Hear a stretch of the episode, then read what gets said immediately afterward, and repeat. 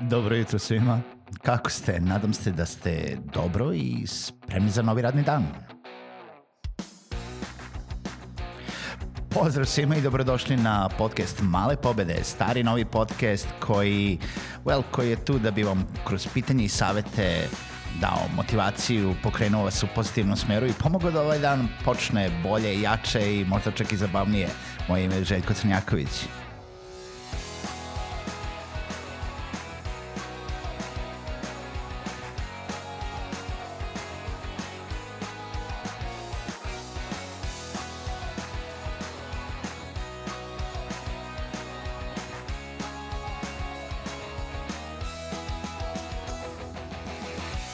Pozdrav svima, dobrodošli u još jednu epizodu podcasta Male pobede.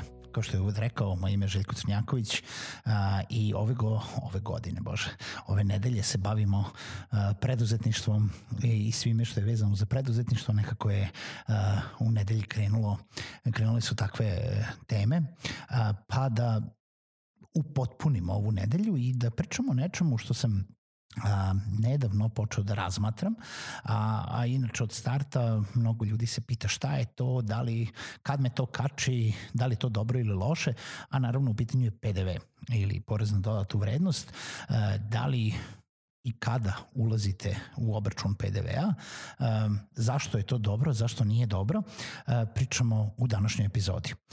Svako ko se bavi nekim poslovanjem, u startu kada otvori firma i kada počne poslovanje, automatski ne mora da znači da je u PDV sistemu.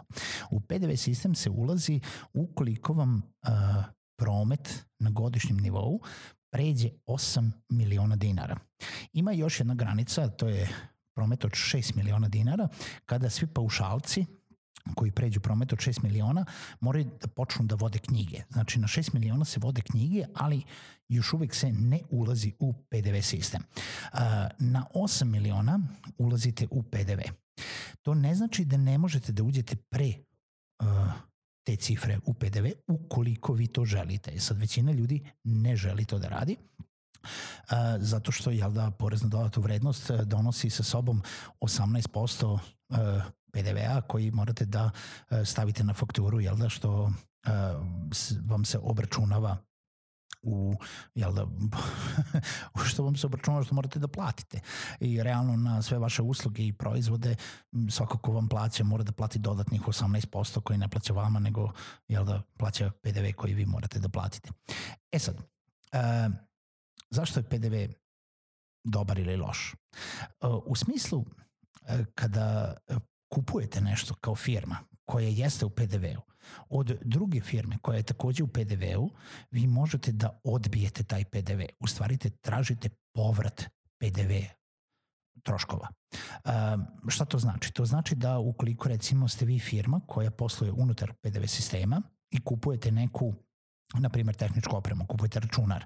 E, većina prodavnica jesu u PDV sistemu zato što imaju promet mnogo veći od cifre koje sam a, bio pomenuo i e, njihov iznos i račun koji bi vi kupili iako ste fizičko lice, morate jel, da platite uh, vašu robu zajedno sa PDV-om i kao pravno lice morate da platite robu sa PDV-om. Što znači da ako na 1000 evra, uh, ako to košta 1000 evra sa PDV-om, a vi se isto nalazite u PDV-u, vi u jednom momentu možete da odbijete 18%, u stvari tražite povrat tog PDV-a.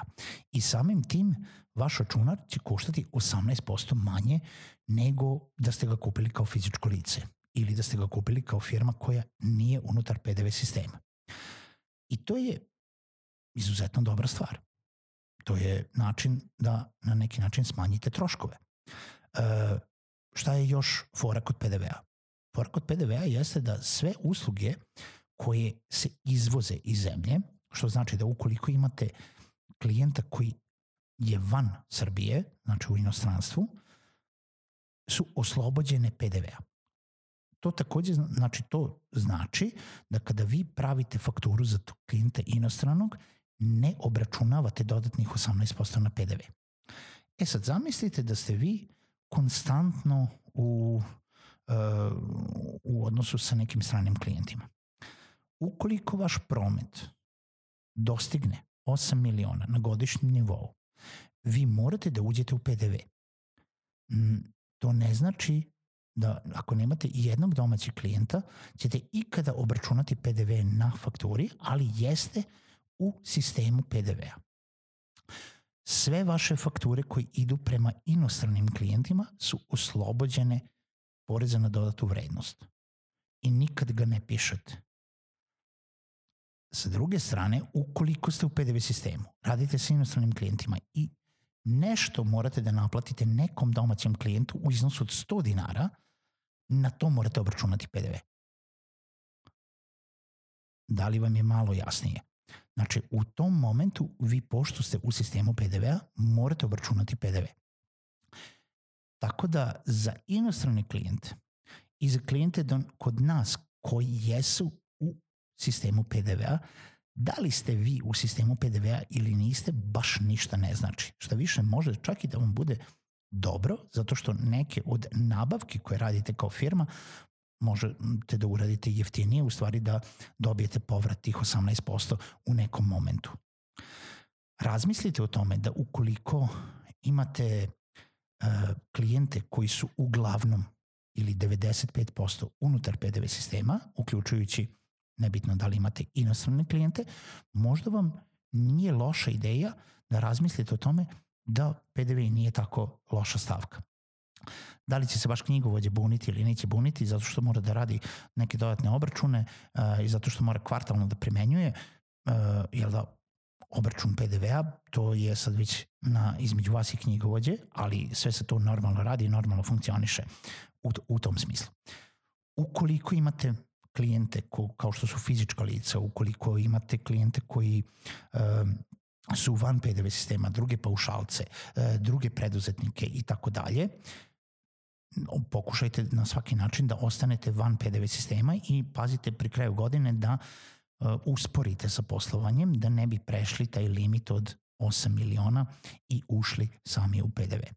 Što znači, bilo koji iznos koji dolazi iz inostranstva na vaš račun je oslobođen toga, to jest u stvari vaše usluge se izvoze, bilo šta da naplatite u Srbiji ako ste u sistemu PDV-a dodajete tih 18%, a ukoliko kupujete možete jel da, od neke firme koje je unutar PDV sistema možete to da odbijete.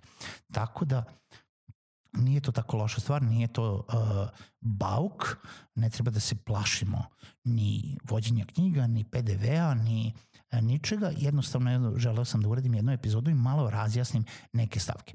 Ima još jedna stvar koju, koju treba da znate, jeste da uh, za firme koje nisu unutar PDV sistema, ili za one koji jesu, može da se desi neka situacija da vam ponekad treba neki račun koji je datiran negde unazad. Recimo da u nakon kreiranja još nekoliko računa vi morate da obračunate nešto od u, u periodu pre mesec dana.